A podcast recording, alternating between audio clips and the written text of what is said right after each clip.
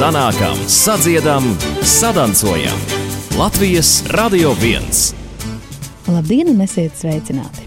Cildinot dziesmu un dēļu svētku tradīcijas 150. gada dienu, Radījuma ciklā sanākam, sadziedam, sadancojam, tiekamies ar 27. vispārējo latviešu dziesmu un 17.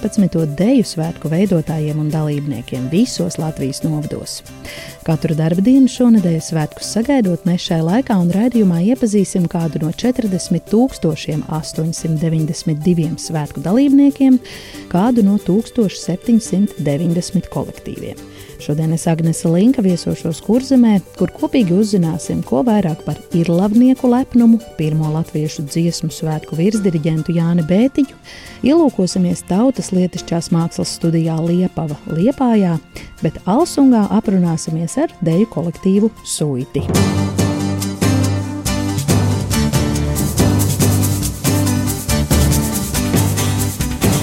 Mana pirmā pieturvieta šoreiz ir laba kas ir pirmo latviešu dziesmu svētku virsdiriģenta un ērģelnieka Jāņa Bētiņa dzīves un darba vieta. Tur apmeklētājus gaida dižā novadnieka piemiņai iekārtota istaba un īpašā godā tiek turēti dziesmu svētku tradīcijai svarīgi stāsti. Ir labs koris, piemēram, nepagurstoši un gandrīz nepārtraukti darbojas kopš pašiem pirmajiem dziedāšanas svētkiem 1868. gadā. Irlavā arī atjaunota tradīcija virsdiriģentu svētki un izveidota pat svētku virsdiriģentu slavas aleja. Par to visu mums sīki un smalki stāsta Santa Podniece, Irlavas bibliotēkas vadītāja un arī Irlavas kora dziedātāja, ar kuru tiekamies Jāņa Bētiņa piemiņas istabā. Kurzemes pusē Jānis Bētiņš ir tieši tas pats, kas eh, vidzemes pusē cīmze. Tas ir tas mūsu uzskats. Nu, ar ko mēs lepojamies? Mēs lepojamies ar to, ka Jānis Bētiņš eh, bija Irlavas kora dibinātājs 1868. gadā, un šo gadu mēs arī uzskatām par Irlavas kora dibināšanas gadu. Protams, tais gados tas bija tā kā vīriešu kors vairāk, un tās dāmas bija mazāk, kā ir minēts, tad no Irlavas eh, uz pirmajiem dziesmu svētkiem devās ap 100 vīri un 24 dāmas. Protams, arī Irlavas orķestris. Bet viņš strādājot uh, Irlavas skolotājas seminārā, to muzikālo garu, to deksmi, to mīlestību pret mūziku mācīja ne tikai tiem, kas varbūt dzīvoja šeit Irlavā, bet arī apkārtējiem uh, iedzīvotājiem, interesantiem, jo bija vēlme tomēr tais gados um, cilvēkus izglītot. Bet viņš jau pats ir beidzis uh, Irlavas skolotājas semināru garu. Bērnību viņš bija pavadījis Dobels pusē, un viņa tēvs tomēr bija pamanījis, ka Bētiņš ir tāds eh, zinātnākārs, un tādēļ arī viņu nosūtīja mācīties šeit uz Irlaus skolotāju semināru. Un tad pēc vairākiem gadiem viņu uzaicināja šeit būt par pedagogu. Ar Bētiņa līdzdalību ir arī notikuši tātad pirmie kurzemes dziedāšanas svētki Dobelē, un, protams, tas bija 1800. 70.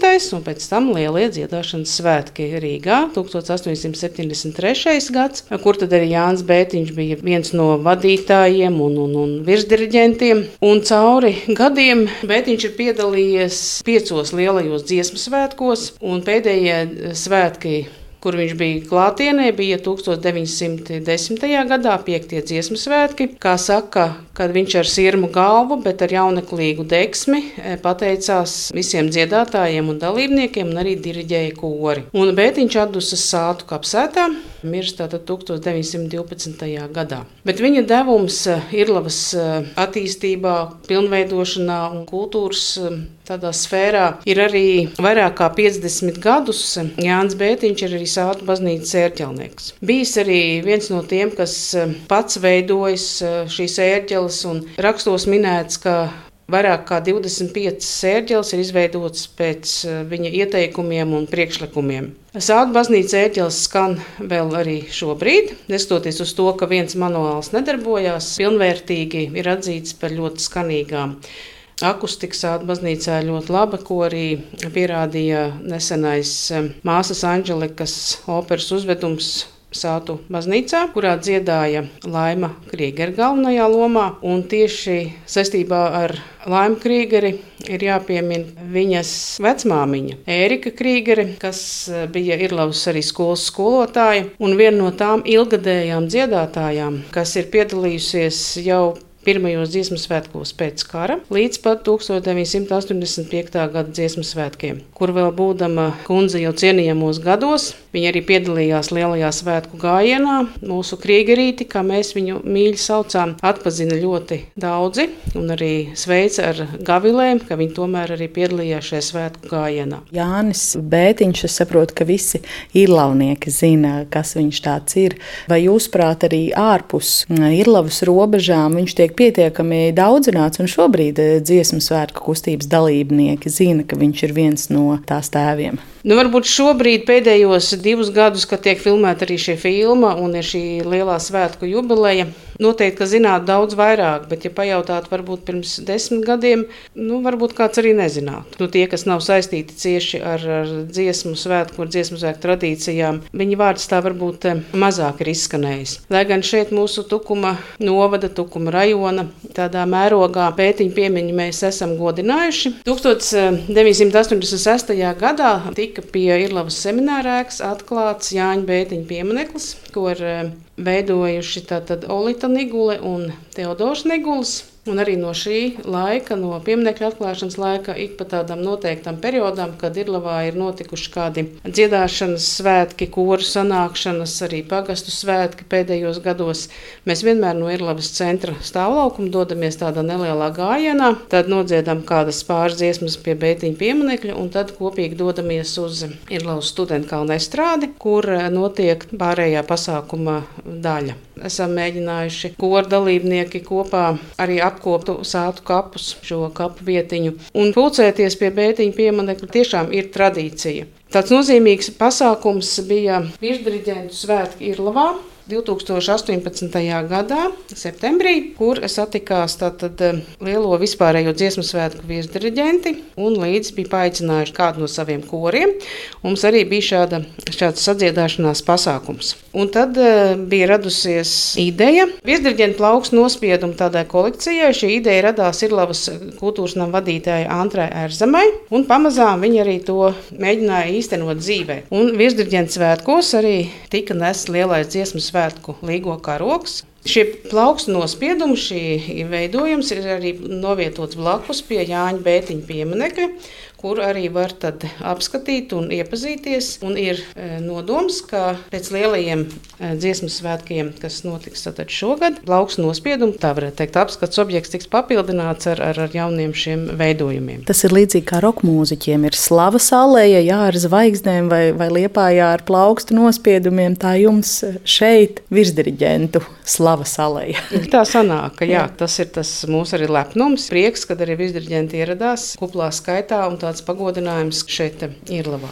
Doma šo Irlavas skolotāju semināru ēku atjaunot un izveidot tādu nosacītu kultūras centru, kā māju vietu arī Irlavas korim. Tā patreiz virmo gaisā. Tomēr gribētos, lai šī ēka kopumā būtu sakopta un, un iegūtu savu to vēsturisko auru. Ar tiem nostāstiem, ka semināra ēkā pirmajā stāvā ir bijušas ērģeles, un kad semināristi mācījušies šīs ērģeles spēlēt, kā jau kad skolēni mācās vai studenti, nu neiet jau visiem tik gludi, un tad, kad nu galīgi šķībi spēlējas, tad bērtiņš savā vakartērpā skrējas no otrā stāva lejā un mācīs, kā tad pareizi ir jāspēlē. Pats, pats galvenais ir tas, ka irlaunieki ir dziedājuši un dziedās. Šobrīd no 2011. gada mēs esam sieviešu koris Irlava. Un arī pirms pirmajiem dziesmu svētkiem 2013. gadā, pirms devāmies uz svētkiem, mēs tomēr piestājām garām braucot pie Jāņa Bētiņa pieminekļa un nolikām arī ziedu pušķi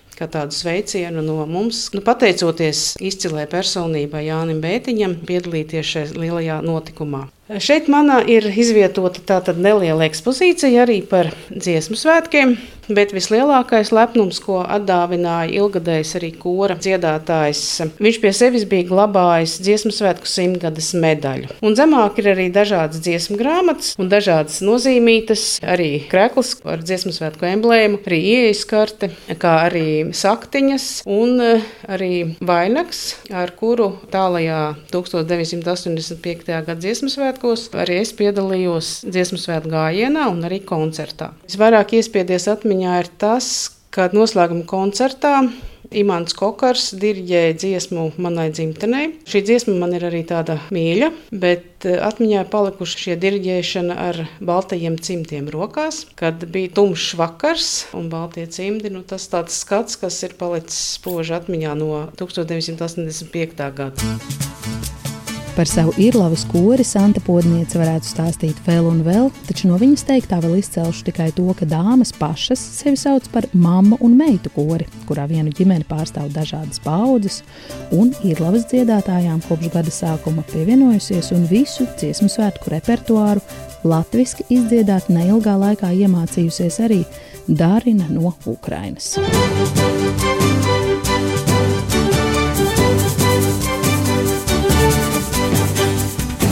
Bet mēs nu dodamies tālāk uz Liepāju. Tur man norunāts satikt tautas lietišķās mākslas studijas Liepava radošo vadītāju Smaidu Rubēzi. Tuvojoties dziesmu un deju svētkiem, Liepavas mākslinieces apšuja un apauž gandrīz visus liepājas kolektīvus un padarītais mērāms kilometros.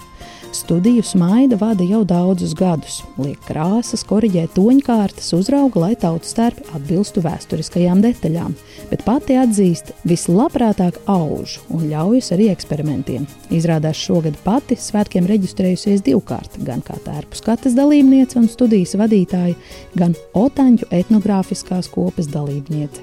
Tad nu sarunu iesākot smaidai vaicāju, kura no viņas saistībām ar dziesmu svētkiem ir senāka tautas tērpa vai etnogrāfiskā dziedāšana.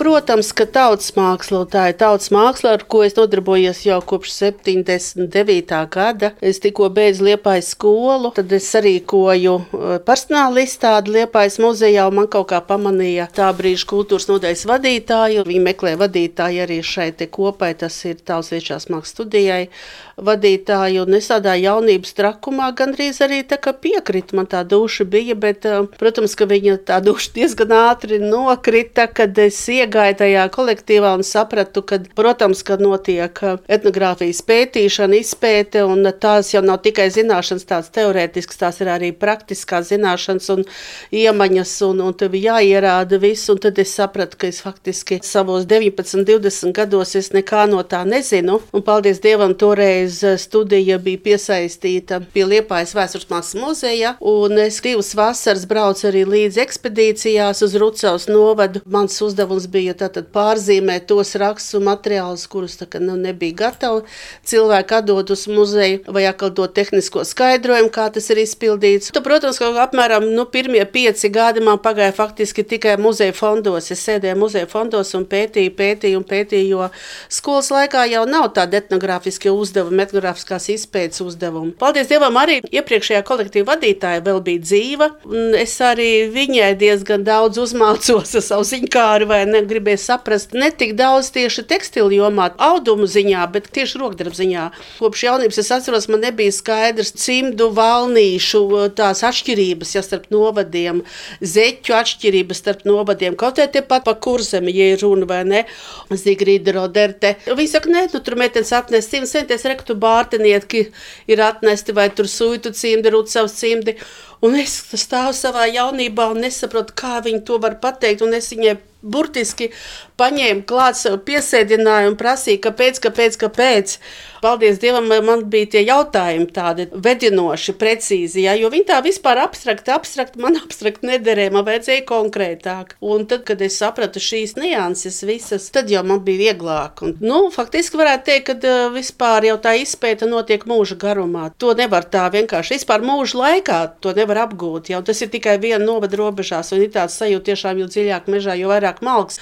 Pagājušajā ziemā braucām arī uz um, Nacionālo arhīvu. Vainagas pētīt, jo vienkārši nu, kuram darbam pieķerās klāt, to arī padziļināti mēs arī pētām, jo tu jau nevari izstādīties izstādēs un tur stāstīt, to jābūt pilnīgi autentiskai informācijai avotam, ticamam un tā. Īstenībā man personīgi tuvāk ir audumi. Jā, es esmu tomēr tāds vairāk uz aušanu, tāpēc, ka man patīk monumentāli darbi, lieli, tur var just, ka ir viss kārtībā, tur var just to mantu, ja te ir rokdarbi, tomēr ir ļoti sīki smalki, un es tiešām noņēmu cepuri meiteņu priekšā, kas ar rokdarbiem nodarbojas, mums studijā tāds nav mazums, bet es vairāk esmu uz audumiem. Tieši segas. Man ļoti patīk segas. Segas, manuprāt, tādā tautas mākslā tā kā tādas bildes, tā kā tādas gleznas.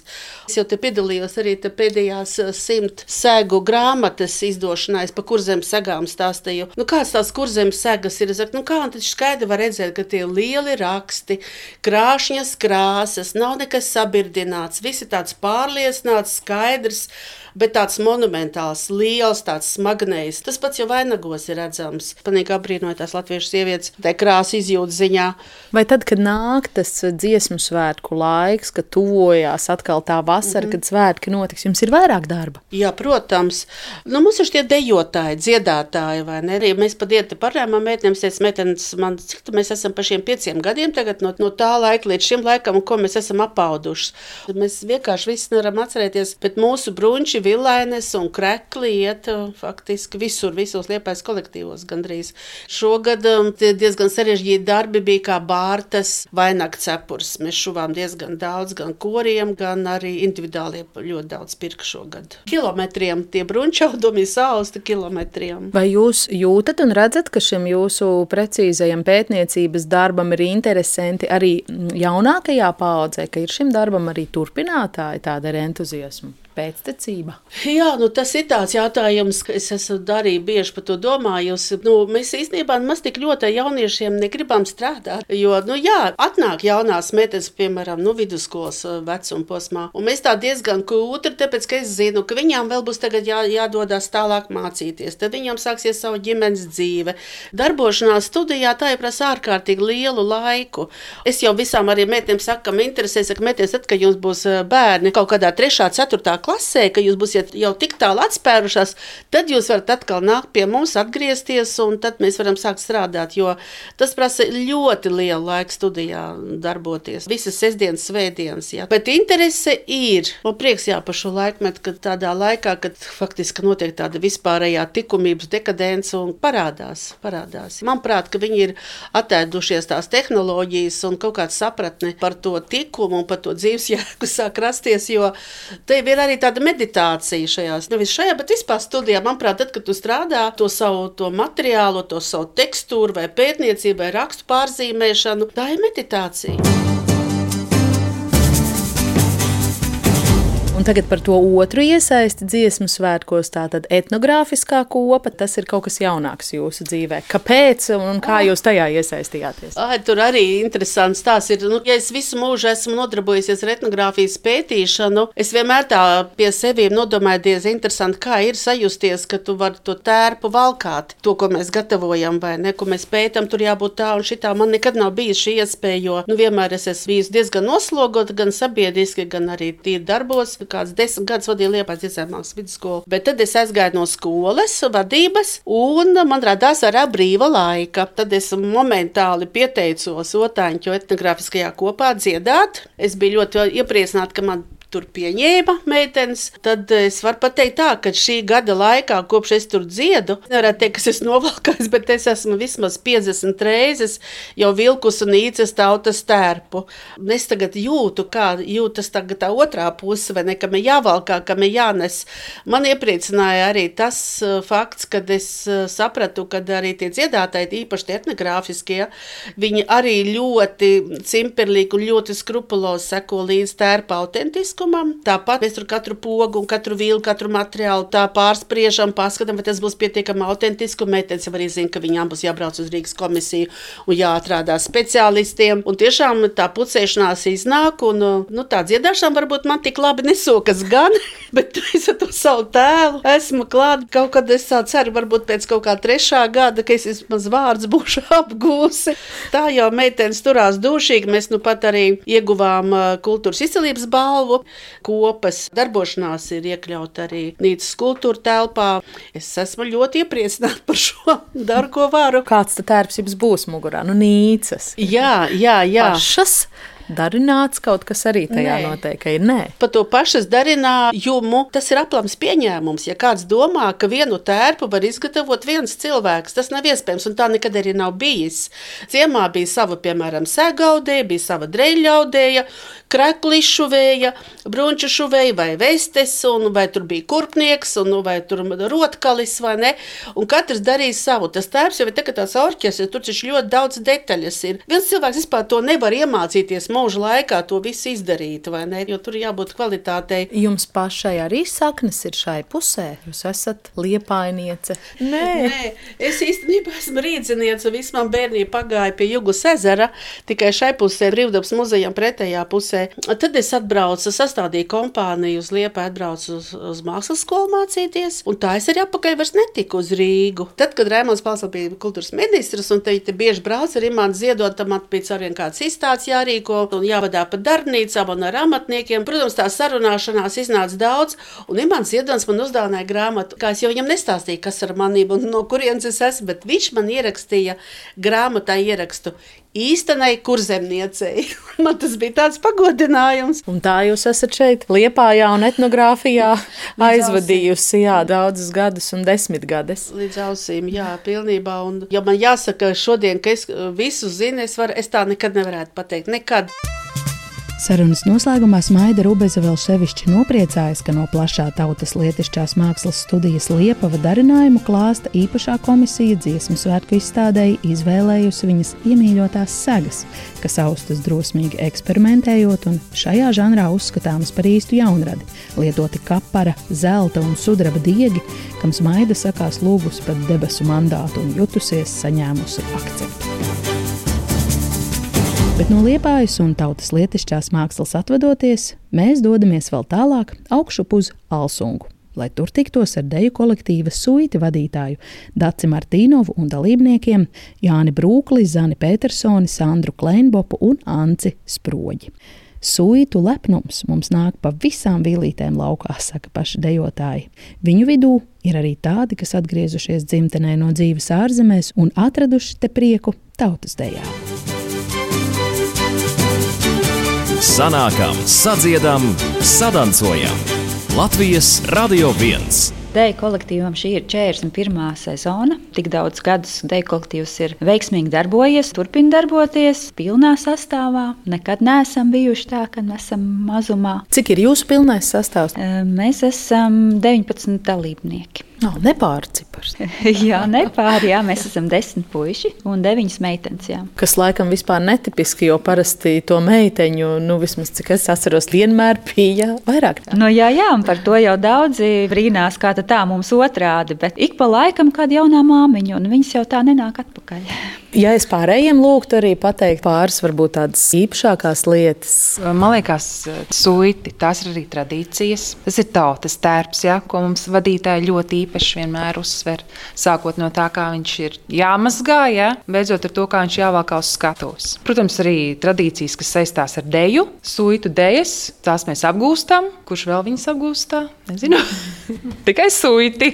Viņas ir apzinātas, iestudētas, dejo pasākumos, no tāda viņas ir dzīves. Mēs to saucam par um, choreogrāfisko mantojumu, jo suitu choreogrāfiskais mantojums ir zelta vērts. Uz mūsu choreogrāfisko mantojumu un arī folkloras materiālu bāzes ir uh, veidotas ļoti daudzas, ļoti skaistas un zelta fondā iekļautas uh, deju choreogrāfijas. Jebkurš dejotājs Latvijā zina, es mācīju danci vest, es izjāju prūšu zemi, audēju dēļu, ja, kas ir balstīta dvieļu dēļa, alsuņģietis, piemēram, Baumans, ja, choreogrāfija, mugurdans, purviņa. Es varu saukt ļoti, ļoti, ļoti daudz dēļas, kas ir zelta fondā, un suitiem ir ar to savu choreogrāfisko mantojumu jālepojās. Tas suitu lepnums, var teikt, jebkurā no dejotājiem redzams, ir sevišķi, ka uzkāpj uz skatuves un galvas ir augšā. Mēģinājumos parasti dejojam, skatāmies uz kājām, bet, kad esam uz skatuves un ir jādejo koncertā, tad ir pavisam cits skats, jo tas lepnums nāk pavisam vīlītēm ārā. Mums tā kopā sanākšana, ka mēs arī ārpus dejām rīkojam pasākumus kopā, galda spēles vai pirtiņā ieejam kopā. Tas arī ir baigi, baigi svarīgi īstenībā. Man liekas, lai arī kopā dejā būt tā ķīmija jā, starp visiem. Vai jūs varat arī pastāstīt, cik sen jūs dejojat deju kolektīvā suita un kā jums tas eh, katram sākās? Sākās, protams, no bērnības, ja, kad tikko kādā skolā sācis skolas kolektīvā dejot, ja, uz augšu, uz augšu, uz augšu. Tad ir vidējās paudzes deju kolektīvs, no, tad man bija kaut kāda astoņu gadu pauze. Nē, nu es jau principā domāju, ka man tas dejošanas posms ir dzīvē beidzies, ja, kad viss, tad man viens uzrunāja, tad man otrs uzrunāja. Bērni ir paaugušies. Es domāju, nu, kāpēc? Nē, varbūt tomēr vajag. Nu, atsāku un, nu, īstenībā forši. Es esmu ļoti sena. Sāku bērnu dārzā, tad jau kā jau skolā pa tām klasītēm. Tad jauniešos arī kuldīgā padajoju drusciņu, kur ar vīru arī iepazinos. Bērniņu dzimta arī pārtraukumu, bet nu, ļoti, ļoti sen. Es pat labāk neskaitu tos gadus. Dziesmu svētki būs man šie jau piektie. Atbraucu no īrijas mājās, un mamma teica, mamma ir um, koncertmeistars deju kolektīvam, un viņa teica, ka nu, trūkstot meitas un jānāk dejot. Par cik es jau esmu dejotāja bijusi arī, protams, skolas laikā. Tā, tā bija viena laba iespēja iegūt draugus. Uz ballēm vienmēr nav jāraizējās, galdiņš vienmēr ir. nu, es neesmu alsunsniece, es esmu medolniece, bet dzīvoju tagad Alsungā nu jau labu laiku. Atšķirībā no tām meitenēm apkārt, jā, es neesmu dejojis bērnībā. Pol polku. Lekt, kas tas vispār ir? Es ar sievu sākām dejot, kad atgriezāmies no Norvēģijas. Sākumā varbūt mēs to neapzinājāmies, tā, bet, kad sāk dejot, tad tu īsti sajūti arī to piederību ja, suitiem. Tā kā te teica, uzvelk tautstērpu, ja, nu, tad ir tā īstā sajūta. Mm -hmm. Starp citu, vīriem arī ir tā īpašā sajūta, to tautstērpu uzvelkot. Ir, pavisam noteikti ir, jā. Un, kad ir pilnā ekipējumā ar visu sleņģeni, ja, cilindrs galvā. Nu, ir, ir. Kāds jums ir bijis gatavošanās laiks un gatavošanās tieši šiem dziesmu svētkiem? Nu, es jau domāju, tāpat kā visiem citiem kolektīviem, tas ziemas periods arī diezgan sarežģīts ar visām slimošanām, un, un, un lieku dejotāju diži nav, un mācīšanās process nav ļoti raids. Bet mēs, Bet mēs esam tikuši galā, un mēs esam ieguvuši augstāko pakāpi, un mēs par to ļoti esam priecīgi un gandrīti mm. par savu darbu. Kā ir pašiem dejotājiem, cik jums tas ir svarīgi? Punkti un pēc iespējas vairāk vairāk un protams, augstāk. Protams, ka svarīgi arī mums, lai kā mēs varbūt tur. Bet ir, protams, ka lepnums tā uzreiz ir. Es teiktu, pavisam simtprocentīgi ir svarīgi. Jo bija taču pēc Covid laiks, ja, kad nevērtēja. Nu, galīgi pietrūkst garšas tam pasākumam, ja, nu, galīgi. Kā es vienmēr saku, kas man svarīgi. Tu gaidi rezultātus, un tu vienmēr ceri, lai neizsauc tevi kā nākamo. Jo iet uz augšu slēgt, un tad tu gaidi, fu, es vēl neesmu. Ja, un... no, es vēl neesmu, tad jau ir jau, jā, nu, baigi labi tas ir. Bet tā piedalīšanās deju svētkos, nu, tas ir kaut kas tāds īpašs.